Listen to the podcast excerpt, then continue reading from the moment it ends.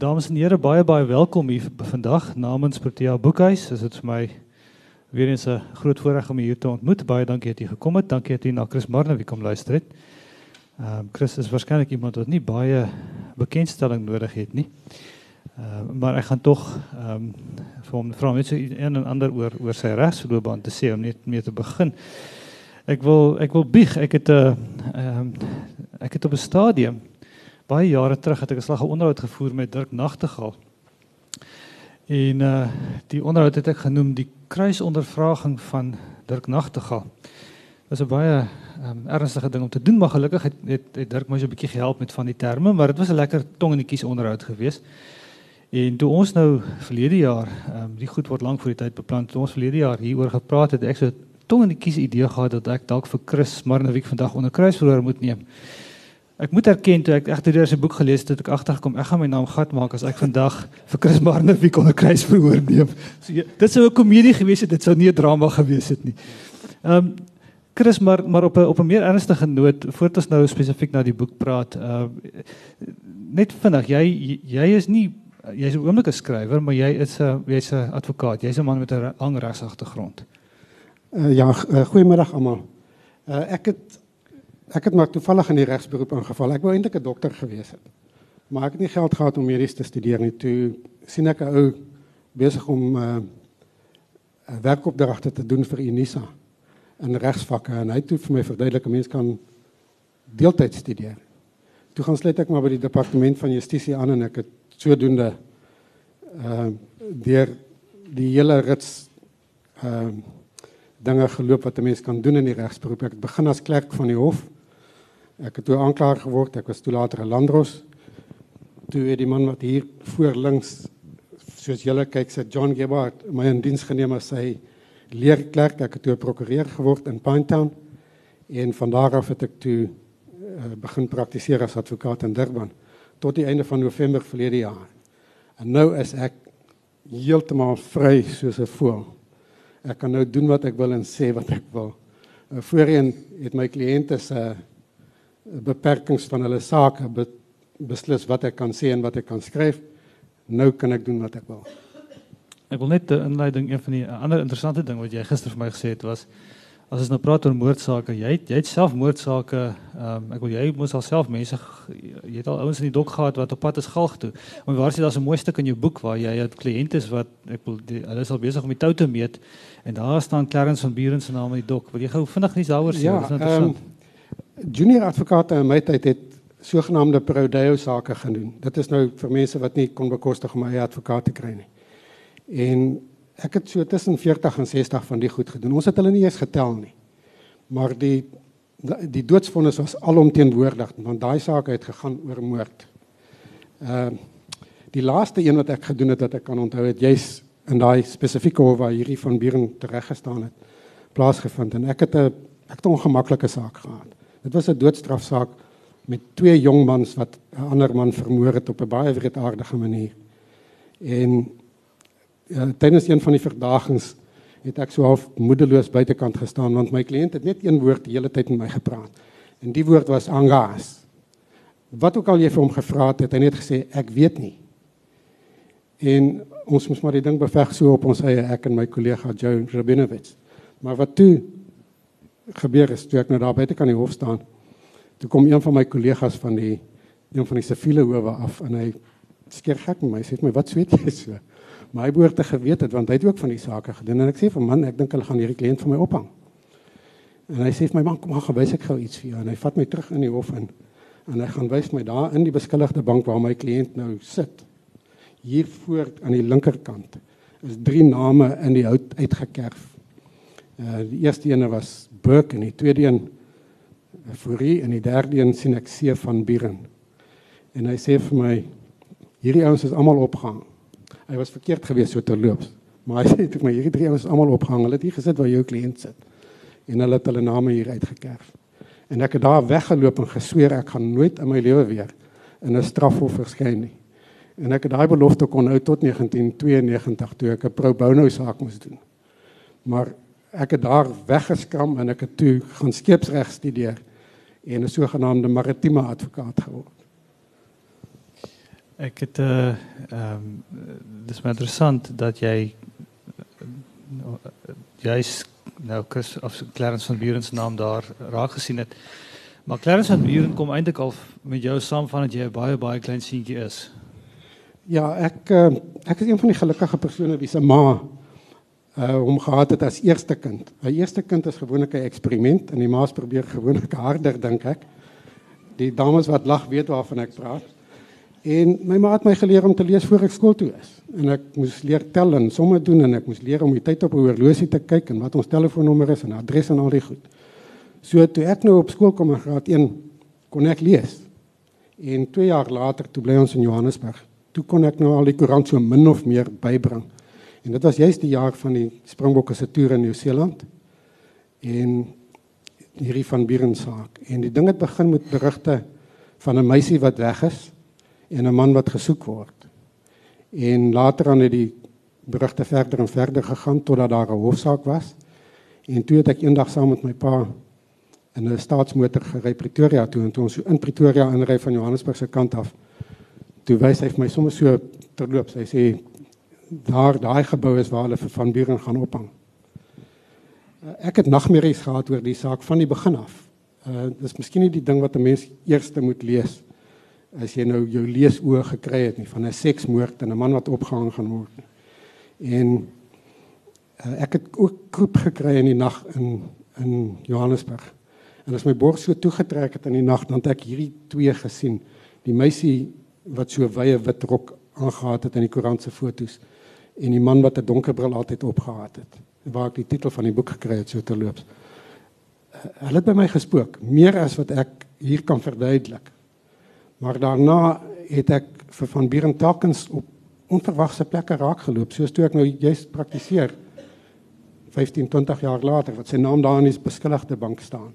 En by 'n ander geleentheid toe ek nou besluit het om hierdie boek te skryf, toe gaan soek ek nou na die saakrekord. Toe het die verdwyn en toe ek een aand moeg en beduiwel by die huis aankom nadat ek van jou Bloemfontein af gery het. Toe sit my skoonpa daar wat op daai stadium baie siek was met kanker. En ek vra hom nou wat maak jy hier? Nee, hy sy dokter kom sien. En ons sit so in gesels en eet. En ek is toe nou moedeloos want ek kry nie die sake rekord in die hande nie. En ek sê vir hom: "Waar het julle gebly in 1956?" Hy sê nie ons het hier in Montclair in Durban gebly. Ek sê van Kampa onthou van die van Buren saak. Hy sê vir my ja, baie goed. Dis die saak van die meisie wat vermoor is en die lijk is weggesteek en so aan. Ek sê ja, daai saak. Hy sê my, weet jy wat? Daar was 'n swart man wat getuig het oor hoe hy die meisie se se rok gekry het. Waar dit vol bloed langs die pad gelê het. Ek sê ja. Hy sê ek was die tolk gewees wat vir daai getuie getolk het. Nou, ek kry nou vleis as ek net daaraan dink. Wat is die toevalligheid dat so iets kan gebeur. En nou by 'n ander geleentheid, my eerste boek was Shepherds and Butchers wat oor die doodstraf gaan. Iemand vra my by 'n geleentheid soos die, "Hoekom het jy hierdie boek geskryf?" En ek praat oor die van Buren saak en die getuies wat daar getuienis gegee het. En toe die ding verby is, toe kom die dame wat die ding gereël het namens my uitgewers. En sy sê vir my, "Wag net 'n bietjie vir my, ek wil vir jou 'n koppie koffie koop." En toe ons nou sit, sê ek, "Wat kan ek vir jou doen?" Sy sê vir my, My man was een van die getuies in daai saak gewees. 'n Sleutelgetuie soos dit op die ou end uitwerk. Wat is die toeval dat sulke goed sulke goed gaan gebeur? Dit is die jong seun wat oor die koper uh ja.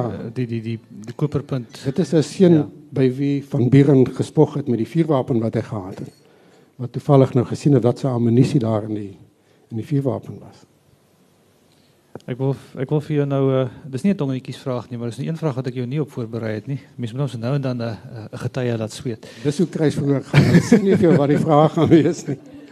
Nee. Ehm um, dis ek vra dit met baie pietheid. Jy het nou in jou tyd daar in Zululand waarskynlik met Twassa te doen gekry. Twassa is daai ehm um, net baie vinnig in die in in ons Afrikaanse samelewing as jy dominee geroepe voel tot tot die beroep, hmm. dan sê hy dan sê ek het 'n roeping ontvang en dan gaan hy kweekskool toe en dan hy moet 'n eed aflê dat hy 'n roeping ontvang het. Nou as jy Twasa het, Twasa is 'n dis die naaste wat ek kan kom in Afrikaans aan is 'n roeping. Ehm um, baie van jou sangomas of jy sê ek Twasa, maar Twasa wat vir my baie interessant is, is Twasa is 'n lyflike ding. Ehm um, en dit word dikwels beskryf as as dat jy jou lyf word siek en en daarom spreek die gode met jou en dan weet jy jy moet jy is geroep, jy moet iets gaan doen. Nou Chris, um, ek vra dit met regtig pieteit want ek het met Fanny Sangommas 'n bietjie gesels dan in KZN en ehm um, was dit amper 'n geval van twasa want hierdie ding het letterlik by jou gespook. Ja, uh, hy het, ek ek wil nou nie die dinge in die boek alles weggee nie, nee, maar nee, hy ek het net maar drie voorbeelde genoem van toevallighede wat plaasgevind het. Daar was ander. Ek het eendag op 'n vlug tussen uh, Durban en Bloemfontein vir 'n kollega van my wat 'n senior advokaat is, ons het saam in 'n saak gewerk. Verduidelik van al hierdie snaakse dinge wat gebeur het en hierdie saak wat my so tuister eintlik. En uh, hy's 'n Hindu en hulle het 'n hulle het 'n geloof wat verskil van ons in, maar wat wat glo aan hierdie twasa soort van ding. Laat mense geroepe is om 'n ding te doen. Toe sê hy vir my. Sy woorde was this girl is calling on you from the grave to tell her story. Nou die meisie in die saak is ehm um, deur koerante beswaarder. Daar's selfs op die 'n webtuiste van Psychic Detectives uh, 'n storie dat sy swanger was met van Buren se kind dat sy 'n buiteegtelike verhouding met hom gehad het en so aan. En daardie gerugte ook dat sy ehm um, dat sy abortus gehad het. Daai gerugte is nooit die nek ingeslaan nie. Niemand het nooit ooit hierdie goed mooi ondersoek nie. En toe ek dit nou vertel toe vir my kollega, toe sê hy vir my: "Miskien moet jy mooi gaan kyk na die goed." En dit is een van die goed wat ek in hierdie boek probeer doen het om in 'n mate die meisie se naam en ere te, te herstel. Ek ek wil ek wil nie oor daai spesifieke aspek praat nie want die boek is te koop so gaan koop hom asseblief. Ehm um, hy doen dit baie goed uh, veral hier teen die einde word daai uh, word dit baie duidelik gedoen. Ek wil um, net net gou nog terwyl ons nou spesifiek oor Joy Aiken praat. Joy Aiken is die is die meisie wat vermoor is. 'n pragtige kind. Hier's 'n paar foto's. Chris gaan net vir ons 'n paar nog 'n paar foto's wys van haar. Ehm um, mooi onskuldige meisietjie.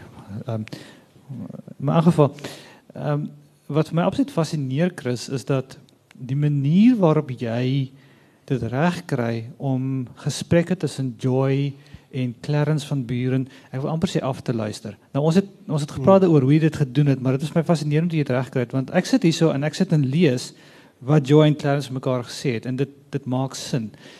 Verduidelik 'n bietjie vir jou leser hoe kry jy dit reg om dit so akkuraat te doen want ek wil jy baie van die hofsaake het ons ja. Clarence se eie woorde wat, wat jy kon direk aanhaal. Maar ek wil daar's nie 'n manier dat ons presies kon weet wat daai twee van mekaar gesê het daai aand nie. Ja, ek moet nou verduidelik hoe 'n advokaat werk met bewysmateriaal. Ehm um, ons is gebonde aan die reëls van bewysreg en bewyslewering. En kruisvoer is een van die prosesse waarmee ons daardie getuienis en bewyslewering toets. Nou ek kry die inligting van buite af. Hierdie boek is nie fiksie nie. Dit is nie fiksie. Maar dit is wat ek noem kreatiewe nie fiksie. Met ander woorde, ek neem sekere vryhede met feite wat binne perke plaasvind. As advokaat sou ek dit nie kon doen nie. Maar as skrywer mag ek dit doen en laat ek dit so verduidelik. Daar was omtrent 20 getuies wat getuienis gegee het in die hofsaak self. Maar in die polisie dossier was daar 123 verklaringe van mense. Onder die verklaringe was daar verklaringe van talle meisies met wie van Buren gelol het. Een van hulle het die gesprekke tussen hulle en hom in ritte tussen Pinetown en Durban. Hy het altyd die meisies opgelaai by 'n busstop en dan vat hy hulle stad toe en dan bring hy hulle terug in die aand en hy het elke keer so bietjie verder gemor met hulle en sy sy kans probeer vat. En uiteindelik is hierdie een meisie nie by die huis uitgekom nie. Terwyl hy haar opgelaai het in die stad en van plan was om veronderstel was om haar huis toe te neem. So ek het probeer uitwerk wat tussen die twee van hulle moes gebeur het aan die hand van die beskrywings wat ander meisies gegee het van die voorvalle wat tussen hulle plaasgevind het en hoe moeilik hy geword het wanneer 'n meisie nee gesê het. So dit is waarop ek die rekonstruksie van daai gesprek gebaseer het. So, so die want dit dit is nou fascinerend dit net maar vir my vertel het want dis regtig hier soos wonderlike gesprekke tussen die twee en en so ek sê baie baie van Chris se goed het hy verbatim letterlik um, ons kan net 'n bietjie oor van die goeters praat maar het hy letterlik verbatim Clarence van Buren aangehaal toe ons om toe ons nou daar praat, ek wil die rekonstruksie is fenomenaal goed gedoen, maar dis aan die hand van wat jy weet Clarence verander gesê het, het jy dit met met op op ja. En wat sy persoonlikheid was en ja. wat die meisie se eie persoonlikheid was. So nou was 'n tamelike groot hoeveelheid navorsing wat hier ingegaan het in die persoonlikhede in in die dokumentasie van die tyd, die koerantberigte van die tyd. Uh onlangs 'n uh, opnames wat 'n vriend van my gedoen het met mense wat daai tyd geweet het van die saak wat hy geskakel het en met hulle gepraat het oor die die mense van die tyd. So dit is ehm um, dit is amper soos 'n uh, polisieman dink ek 'n uh, saak sou oplos deur al die getuienis in te win en dan 'n teorie te vorm oor wat werklik gebeur het.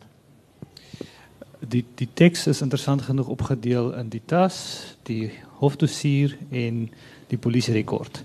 Ehm um, wil jy dalk vir ons iets daaroor sê? Hoekom het jy dit so en interessant genoeg nou ook ek wil op 'n ek wil amper op 'n tipiese regs manier keer sekere goed die hele tyd terug, maar daar word elke keer 'n bietjie opgebou, opgebou, opgebou tot mens uiteindelik die die storie kry. Ja, jy moet onthou dat ehm um, advokaat se tegniek is om om die storie van sy kliënt of dit nou 'n strafsaak is of 'n versekeringssaak of wat ook al, om die kliënt se verhaal te vertel in 'n oor, op oortuigende wyse. 'n Advokaat is natuurlik gebonde aan die feite wat wat gegee word. Uh, ek is hier gebonde aan die feite wat ek gevind het in die navorsing. Nou daai navorsing het begin met 'n soeke na die saakrekord. Ek wou die saakrekord hê want ek wou self lees wat dit in die saak gebruik gebeur. Maar die saakrekord het verdwyn uit die hof argiewe. Spite daarvan dat daar dat hy moes behou bly. Ja, nee, die, die goed, wet sê dit moet bly. Ja, absoluut, absoluut. Ja. In Bloemfontein by die appel word die rekords vir altyd gehou. Ek het sake daar gaan trek van 1910 af. En ek het daar ook gaan soek en die saakrekord was weg. Hy is weg by die provinsiale argiewe in in Natal, is weg by die Pietermaritzburg se argiewe. En ek het so half moedeloos geword daaroor. Ehm um, dit skryf 'n dame wat ehm um, met 'n geboortegebrek uh, groot geword het wat 'n skryfster is uh, in 'n wat in 'n gestig bly en en dit was 'n kort artikel vir 'n 'n tydskrifie wat in ons voorstad rondgaan, The Crest. En sy noem daarin dat ek die boek oor die doodstraf geskryf het en toe skakel 'n joernalis my wat wil weet van van Buren. Toe sê ek man ek wil 'n boek skryf oor die ding. Maar kan nie die saak rekord in die hande kry nie. Toe skryf hy 'n artikel oor die van Buren saak en hy meld aan dat ons 'n boek wil skryf. En die volgende ding is toe belle ou om en sê luister, ek het 'n tas vol dokumente uh, ek was die lewensmaat gewees van 'n joernalis wat daai saak bygewoon het. En Jerry ja. Dit is Jerry Strauss. Hy was 'n verslaggewer van die Daily News. Toe kry ons by Jerry se lewensmaat die tas met al die dokumente en daar binne was koerant uitskeersels nie uitknipsels nie, het hulle soms so uitgeskeer. Daar was 'n uitgawe van fyn goud aan Meyering Forsie of terwyl F.A. Venter 'n artikel geskryf het oor die saak. Ek het die oorspronklike notaboeke, ek het hulle nou nie saamgebring nie, wat die joernalis sy notas gemaak het terwyl hy vir van Buren in die dodesel besoek het, sy laaste woorde afgeskryf het, 'n deel uitgekrap het waarvan Buren van hom gesê het nee, dit is nie eintlik wat ek wou gesê het nie. Ek het foto's wat die joernalis by sy koerant gehou het. Uh, ek het die advokaat Hannes Henning, my vriend John Gebhardt sal hom goed onthou. Hy het die advokaat se handgeskrewe notas waar hy sy slotadres of voorlegging met die hand uitgeskryf het. Dit kom toe alles uit die tas uit. En die een ding wat uit die tas uit kom is 'n koerantberig wat sê daar was 'n aansoek om verlof om te appeleer.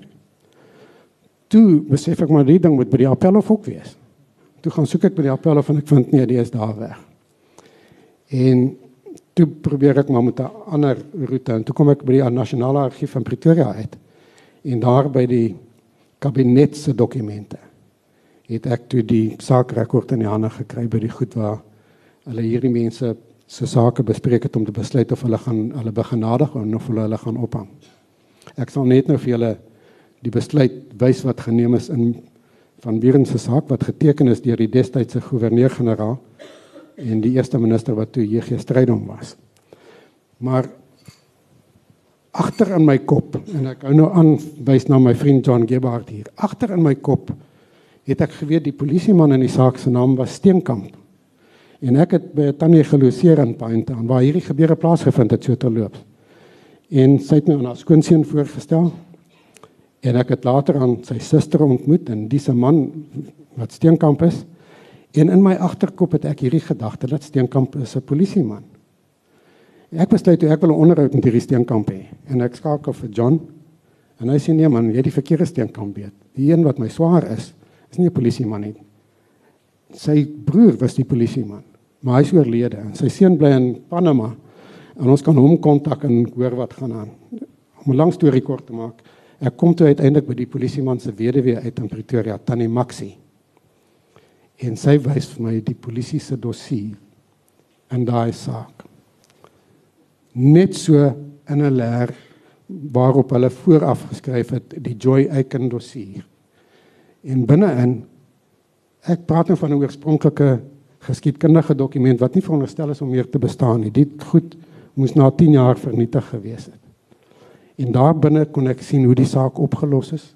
Ek kon al hierdie addisionele getuienis sien dit was ek weet nie hoekom die goed nog bestaan nie, hoekom ons die tas in die hande gekry het. Dis maar van die toevallighede van die ding wat miskien my vriend ehm uh, laat sê het hierdie meisie roep na jou en jy sal moet skryf vir haar. Ehm uh, is vir my opgeval dat ek het uh, jy, jy noem op 'n stadium net so terloops dat die polisie manne mag dossiere hou met sit hulle gaan help met hulle bevordering en Frans Steenkamp was inderdaad iemand wat baie vinnig deur die ja. deur die range geklim het. Hy uh, dis 'n besondere parallel. Ek hou nie van toevallighede nie. Ek kry hoendervleis as ek kan sulke goed doen want ek begin dink aan bestuuring, dan voel dit vir my of ek nie in beheer is van my eie my eie lot nie en dit maak my baie bang en bekommerd. Maar kyk nou na wat gebeur het. Clarence van Buren het op 16 by die skool weggeloop met 'n meisie, karre begin steel. Teen die tyd dat hy 26 is, uh het hy 'n lang reeks vorige veroordelings gehad. Toe kry hy 5 jaar gevangenisstraf. In daai 5 jaar het hy gekwalifiseer as 'n ingenieur. Elektriese ingenieur, hy was 'n meganiese ingenieur. Hy het gekwalifiseer as 'n motorwerktuigkundige. Toe vir 3 jaar was hy gelukkig getroud met 'n vrou, hulle twee jong kinders gehad en toe gebeur hierdie ding waarvoor hy toe uiteindelik ter dood veroordeel is. Die polisieman in die saak is op 16 uit die skool uit. Omdat hy te skaam was om vir sy onderwysers te sê hy het nie geld vir die skoolboeke nie. Hy was toe in standaard 9. Hy gaan sluit toe by die polisie aan voortydig. Hy moes 17 wees, maar hy was toe nog net 16. Hy het eers in April 17 geword.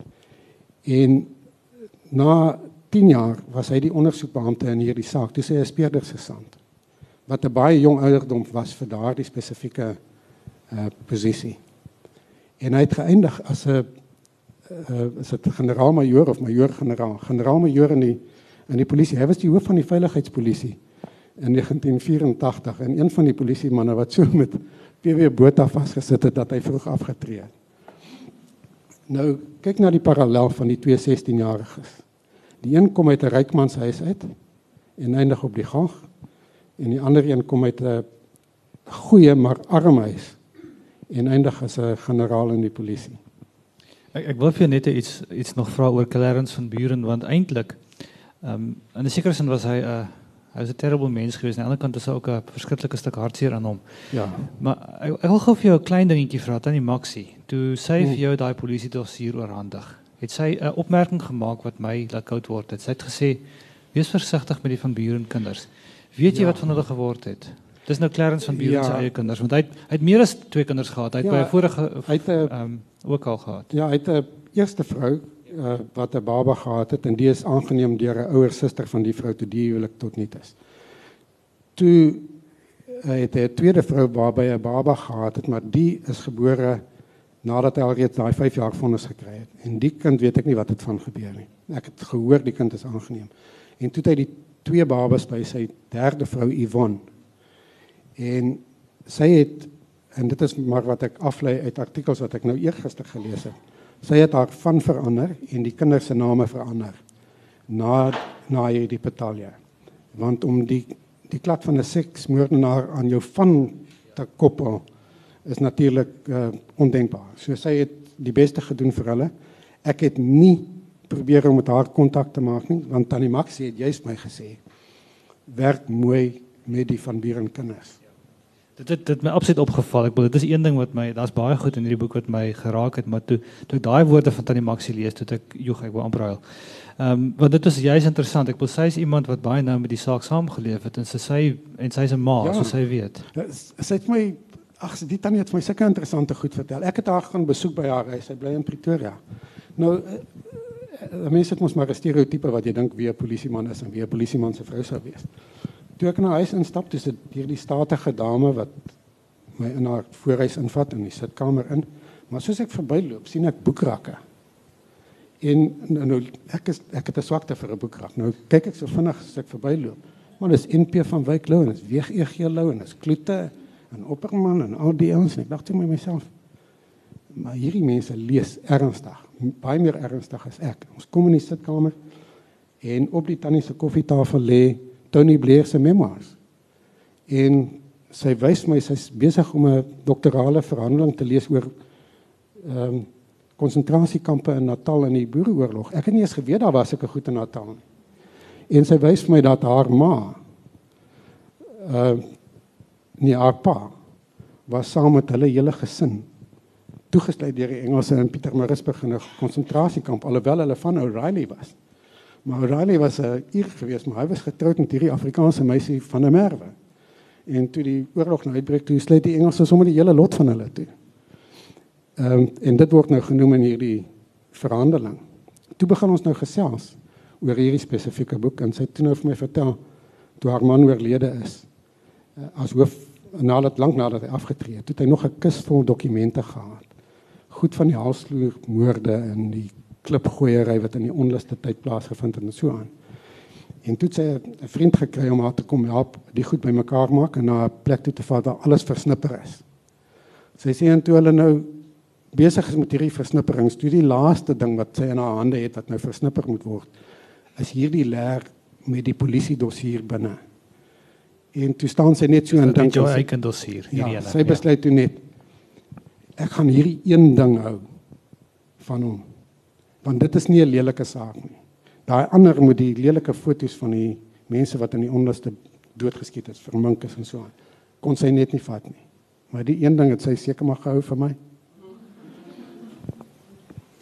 Iets wat my baie interessant is is op 'n stadium maak jy die opmerking dat die waarheid uh, bladsy 163 sê die waarheid kom selde uit in die hof.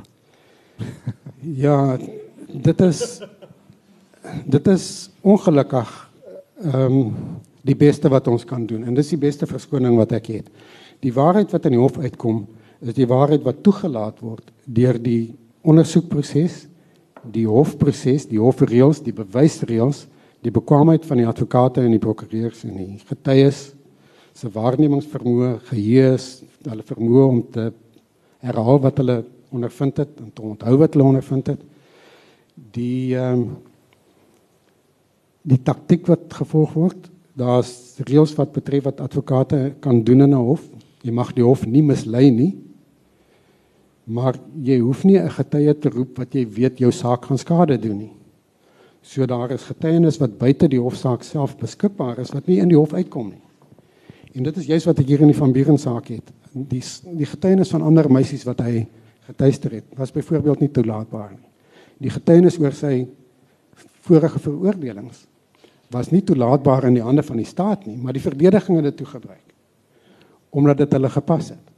Nou ek sê vir enigiemand wat vra, daar is twee waarhede. Die een is die feitelike werklike waarheid. En dan is daar die waarheid wat in die hofproses uitkom en dit is 'n soort van 'n tweede rangse waarheid. Ek neem aan dat die twee partykeer daarom seker oorvleuel. Maar maar maar nie noodwendig nie. Ek ek dink jy verduidelik dit goed. Ek ek ek wil dalk net noem dat uh, ehm um, op 'n op 'n ek was so 'n tipiese advokaat verduidelik jy hoekom hierdie goed in die hof belangrik is of nie belangrik is nie. Ehm um, en dit gaan uiteindelik tog daaroor dat wanneer uh, wanneer daai galg deurval, dan moet daar kan sê dat bo redelike twyfel En ek wil dit gaan uiteindelik daaroor ja. dat wat wat die wat die wat die die kroon was nog daai tyd die kroon wat ja. die advokaat vir of dan nou die aanklaer vir die kroon moet probeer doen is om net die bewyse te lig wat absoluut bo redelike twyfel kan staan. As jy as jy 'n swak getuie het, dan dan gaan die gaan die die die verdediging ja. nail. En die die die verdediging aan die ander kant ook, gaan nie mense roep wat wat wat nou weer deur die ander kant in onder kruisroer ehm um, saf gemaak kan word nie. Ja, dit dit is hoe die reëls werk en dit is hoekom daar gesê word jy jy mag nie die hof mislei nie. Ja. Dit nou uh wat jy dan maar doen is jy roep die getuies wat help en jy berei hulle voor vir die saak en jy hoop dat die ander kant nie daai ander getuies roep nie want as hulle hulle roep dan moet jy nou probeer om daai mense se getuienis af te takel met kruisverhoor. En daardie aftakelingsproses het het sy eie etiek en sy eie reëls weer waar jy nie aan 'n man kan gaan iets stel wat jy weet volgens wat aan jou gegee is onwaar is nie. Jy kan byvoorbeeld nie as jou kliënt vir jou sê, "Wel, ek was daar en ek het dit gedoen, maar ek wil hê jy moet sê ek was elders gewees." Jy kan nou nie vir 'n getuie sê, "Luister man, my kliënt was nie daar gewees nie." Al wat jy kan doen en dit dit pla baie mense al klaar, is jy kan toets hoe goed hierdie persoon wat nou sê hy het jou kliënt gesien op die toneel hoe goed sy waarnemingsvermoë is, hoe goed sy geheue is en of hy dieselfde storie die hele tyd vertel. En dan kan jy later argumenteer nie dat jou kliënt nie daar was nie, maar dat daardie persoon se getuienis nie goed genoeg is nie. Want dis eintlik waarop die hof moet werk. Die hof moet ja. kan sê, oké, okay, goed, daai getuie het gesê ek het vir sê maar van bure daar gesien of nie. Um, en was dit 'n kredietwaardige of 'n geldige getuie? Ja. Is dit reg? Ja. Ja. Ehm um, uh, dis interessant. Ek ek ek ek wil nou lees die boek as jy wil weet wat die uitkomste van die saak is. Ek adverteer dit met sterkte. Dis 'n wonderlike boek. Ek het hom laas nag in die vroeë oggendure klaar gelees. Dis ongelooflik fantasties. Ek wil net vir Protea uh, maar, sê baie dankie aan vir Daniel. Waar is dit Daniel? Daar is die versorging van die boek. En dit is 'n mooi boek. Ek het ander boeke al geskryf, maar dis die eerste keer wat ek 'n boek sien wat wat goed voel in my hand. Goed lyk in my hand. Ander lyk maar net soos boeke. Hierdie een lyk baie besonder en jy het 'n goeie job gemaak daar. Hier's hier's pragtige foto's in. Chris gaan net effe 'n paar van hulle wys. Ek wil tog net gou-gou ehm um, ons sê dit nou baie duidelik en is nou weer eens hier staan baie groot en dis Daniel wat dit skryf het van Beren ons met 'n geheim galg toe. En daar's 'n klomp, daar's 'n klomp raaisels. Jy het vyf raaisels vir my genoem wat hierdie saak verskriklik interessant maak. Ehm um, wil jy dalk gou-gou oor hulle praat? Ja, en die eerste een is natuurlik hoekom ek ooit hierdie boek geskryf het. Nou dit is 'n storie op sy eie wat ek maar ingevleg het hierso. Maar die die groot raaisel wat vir my van die begin af geplaas het, was of hierdie man werklik skuldig was. Want hy het gesê hy is onskuldig en ek het vir my pa destyds toe ek 8 jaar oud was gevra. Hoe kan hulle hom ophang as daar as hy sê hy is onskuldig? Dis sê my pa maar daar was getuienis geweest. Sê ek maar daar was nie mense wat gesien het nie. Ek het natuurlik glad nie verstaan wat omstandigheidsgetuienis is nie.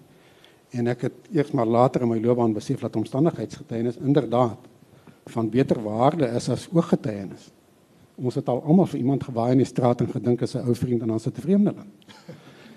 Nou dit is iets wat gebeur met die uitkenning van persone wat 'n ooggetuie is.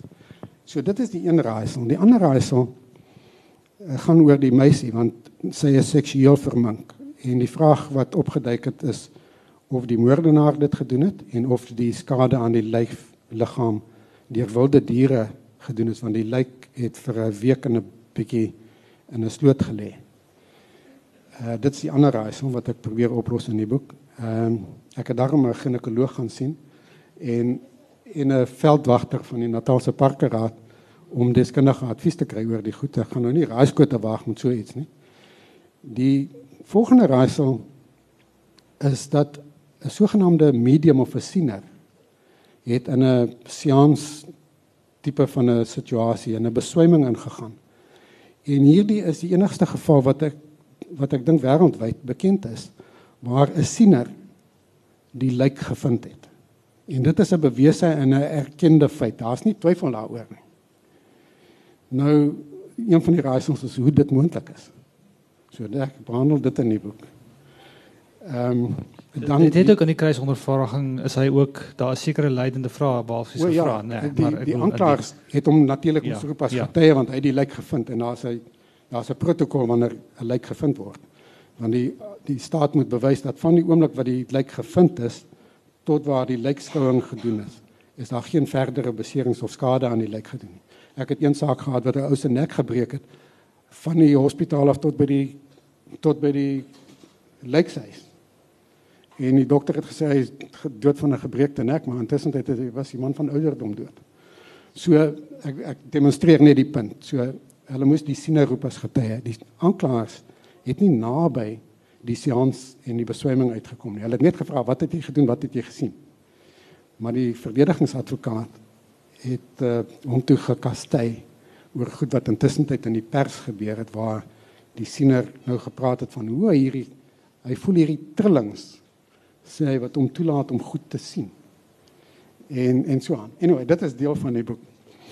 Die die laaste raaisel is eintlik uh, wie hierdie man van Buren was. Wie was hy regtig? Wat 'n soort man kon doen wat hy gedoen het?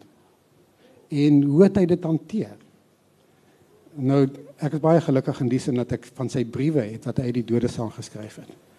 Briewe wat hy nie net vir homself geskryf nie, hy het briewe geskryf wat sy vrou moes teken en vir die pers laat gee. Ehm um, hy het seker dinge gedoen. So ek probeer 'n analise doen. Ek is nie 'n sielkundige nie. Maar ek probeer min of meer 'n analise doen van watter soort van karakter persoonlikheid doen hierdie soort kon hierdie soort van ding doen. Die die laaste deel van die boek het ehm um, jy het jy het self gesê wonder of nou die droog is nie, maar dit is eintlik fascinerend want ek het fascinerend vind want want in 'n sekere sin sou ek sê jy moet tog 'n mate van simpatie hê met hierdie ou. Ek wil hy hy, was hy was 'n erge mens gewees, maar wragtig, jy weet dit is ja. Ek dink tog hy was 'n tragiese figuur in die sin dat as gevolg van sy persoonlikheidsstruktuur, sy persoonlikheidsdefekte, kon hy nie aan homself erken wat hy gedoen het nie. En uh, ek het vanoggend nou geloop en dink daaroor toe hy nou besef hy het hierdie meisie doodgemaak en wat hy alles gedoen het. En hy nou begin om sy spore dood te vee. Het hy verskriklik lomp opgetree. En hy was 'n hoogs intelligente man. My skatting was dat sy IQ was 130 of 140. Hy was in, hy was intensief intelligent. En en nou het hy seker onnoosel goed gedoen. Die meisie se klere soms so by die kar se venster uitgegooi soos hy gery het. Ehm um, hy het vir elke ding wat hulle vir hom in die hof gevra het, het hy 'n antwoord gehad. Wat op sy eie na baie redelike goeie antwoord gelyk het. Maar wanneer jy almal bymekaar gesit het, dan lyk die storie net nie reg nie maar hy kon dit self nie sien nie. Nou die analise was ook maar deel van die van die storie van die boek wie ek dink hy werklik was en hoekom hy opgetree het soos hy het. Chris, um, jy het ons 'n paar foto's se goed saamgebring. Wil jy dalk vir ons 'n bietjie net van die goed wys? Ja. Kan ek dalk nou vra dat jy ehm um, meneer kan jy net die ligte se effens ehm um, afbring want ons gaan is dankie. Ehm um, die storie begin vir my in Johannesburg by 'n uh, 'n blok woonstelle ehm um, daar ons gebly het vir 'n jaar lank. My pa was 'n rugby afrigter. En hy het die gewoonte gehad om stories te vertel so op 'n manier wat hy jou amper uitdaag om hom te glo of nie te glo nie. En ek het maar nou die stories oor sy skouer op die koerant gelees. En in dieselfde blok woonstelle was daar 'n Engelse tannie gewees wat in nommer 2 gebly het. Ons was in nommer 4. Ek het nou 'n bietjie afstand tussen my en my broer en my twee susters, hulle bietjie jonger as ek. En ek was toe op skool, hulle was nog nie. Ek het bietjie alleen in die in die tuin gespeel. En die tannie het elke dag my gestuur om vir haar die koerant te gaan koop, The Star. Wat 'n 6 pence gekos het of 6 pennies. En dan kom ek terug en dan gee ek vir haar die tikkie klein geld. Ek het ek gesê dit kos 'n 6 pence. Sy het my 6 pence gegee, maar hy het 'n tikkie gekos. Dan gee sy vir my die klein geld. En dan probeer ek nou so in die loop van die koffie af probeer ek nou dan lees wat staan in die koerant. Nou My suster gee nou onlangs vir my 'n foto wat in daardie tuin geneem is. My ma het ons mooi aangetrek en uh, ons in 'n ry laat staan en 'n seker maar 'n straatfotograaf gekry om vir ons 'n foto te neem. Wat so lyk. Dis 'n bietjie dof. Ek ek is een wat agter staan, my broer wat hier in die middel voor tussen my twee sissies staan. Hy's 'n prokureur in Pietersburg. Ehm um, ek dink ons gaan al vier saam wees by die uh boekvrystelling by Pretoria Boekhuis in Pretoria dan nou ons hoor sien of ons weer 'n foto kry. Maar die die toneel is belangrik vir my want die die dag toe van Bieren opgehang is, het die joernalis wat die wat die laaste persoon was wat hom gesien het voordat hulle hom weggevat het om gehang te word, 'n koerantberig laat publiseer op die voorblad van die Star en ek het daai Star vir daai tannie gaan koop. En daarin gelees, uh, as ek nou die teks onthou van Buren dies um claiming that he was innocent. En dit is een van die goed wat my 'n nagmerrie gegee het. Nou van die toevallighede in die saak was toe ek daai tas oopmaak van hierdie joernalis. Dis daar twee kopieë van daai koerant bo in daai tas. Die die saakrekord by die uh, nasionale argief lyk so, hulle het elke doodstrafsaak het hulle so ingebind en dan uh, moes die minister van justisie se personeel die goed deurlees en dan moes hulle besluit gaan hulle die persoon begenadig of gaan hulle hom regtig ophang. Nou die die syfers van die tyd was dat daar so een uit elke 3 is begenadig. Ehm um, in van Bieren se saak natuurlik nie. Hierdie een is nie baie duidelik nie, maar ek kan vir u wys wat dit is. Dit is die amptelike dokument van die kabinet en die gouverneur-generaal van die tyd, dit was Mira Afeigen, waarin die besluit om van Bieren inderdaad te laat hang uh, geboekstaaf is. Ek kan nie die datum op die ding onthou nie. Dit lyk soos die 19 of die 29ste Mei. Maar uh, dit is nou deel van daardie rekord wat ek dink dis 29 Mei 1957 lyk ja, vir my. Ja, hy is hy is toe 10 dae hy's op die 10de uh, Junie is hy toe inderdaad uh, tereggestel. Hierdie een het ek nie saamgebring nie. Die dis een van die tydskrifte wat in die tas gelê het. En ek was van plan om die ding saam te bring, maar ek te, ek het hom elders vergeet. Dit is die fyn goud artikel wat uh, Meyering Forsie geskryf het. Hierdie is 'n brief in van Bieren se eie handskrif. Uh, dit is 'n brief wat hy aan die joernalis geskryf het, Jerry. Ehm um, waarin hy het aangeheg aan hierdie brief, 'n 3 bladsye lange brief wat sy vrou nou vir die koerant moes skryf om te verduidelik hoe toegewyde vader en 'n goeie man van Bieren was en hoeveel goeie dade hy gedoen het in die distrik deur mense se radio's en yskaste en motors te herstel en, en nooit vir geld gevra het nie. Hy het homself beskryf amper as 'n as 'n heilige. Maar die brief gelaat vir sy vrou om te teken en sy het 'n geredigeerde weergawe daarvan geteken want Jerry Strauss het toe die ding so 'n bietjie afgewater en dit is inderdaad in die koerant gepubliseer. Hier is 'n afskrif van Jerry se notaboekie.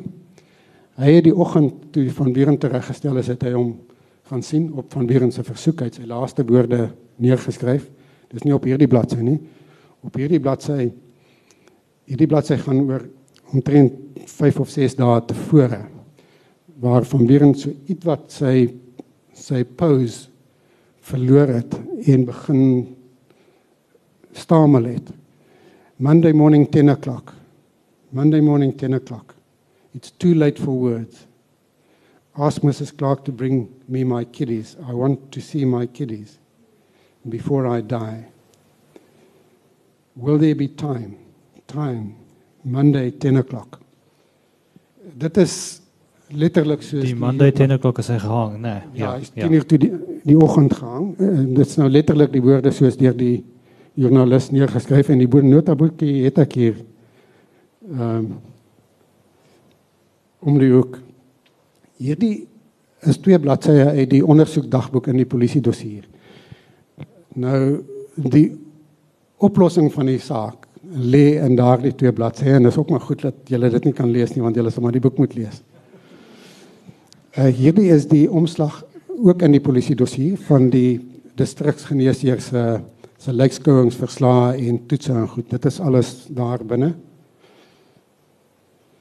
Hier is die siener, meneer Nelson Palmer, in 'n artikel wat binne 'n maand of twee na van Wieren se arrestasie in 'n tydskrif met die naam Outspan verskyn het en daarin het hy verduidelik hoeveel jare hy geoefen om in hierdie beswymings te kan ingaan om uh, om sulke goed te kan sien.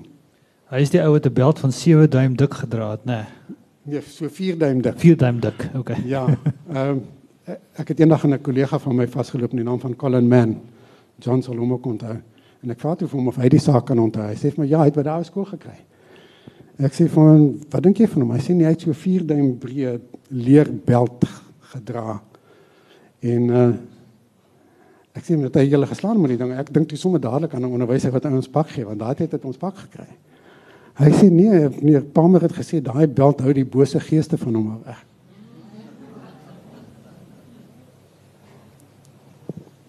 Ja, oor wie hierdie man Clarence van Buren was. Terwyl hy daar in die hof sit. Hy en hy en Jerry Strauss het 'n ooreenkoms gehad dat hy elke dag die koerant gekry het by Jerry. En een van die foto's in die koerant hier is nou baie onduidelik in die boek is dit baie duideliker. Is daar 'n baie mooi meisie wat hier voor staan tussen al die mans in die gedrang by die hof. En die volgende dag toe gee van Buren vir Jerry hierdie klein stukkie wat hy uitgesny het uit die koerant en hy vra vir hom om 'n uh, vergroting van die foto vir hom te maak. Dit is uh, Joy Aiken. Sy was 18 gewees toe dit gebeur het. Ek dink dit is ook die laaste van die reeks ja. Sy was 18 gewees. Sy het sy het by 'n motormaatskappy gewerk in Durban. Ehm um, plek met die naam van British Motors. Ehm um, ek voel tog dat uh, haar 'n groot onreg aangedoen is in die saak met die bespiegelings wat in die distrik rondgegaan het en die webtuiste van van 'n man wat sê hy bestuur al bestudeer al 25 jaar lank hierdie psigiese ondersoeke. As jy die mooi foto wil sien van die mooi meisie wat Joy Aiken wou hê, koop die boek, op bladsy 257. Ehm um, dames en here, ek dink ons is redelik na aan die einde. Ehm um, ons ons het eintlik nie meer ja nee ek sien die die die klankman jaag my uit. Ehm um, ek sou sê die beste is uh, Chris gaan hier buite wees. Jy kan vir hom vra om die boeke te teken en as daar nog vrae vra hom of hom daar buite. Verskriklik dankie dat jy gekom het. Ehm um, en baie dankie aan die klankman en die, en uh, dankie aan die woordfees dat ons hier kon wees en dankie dat u hier was. Baie baie dankie. Baie dankie.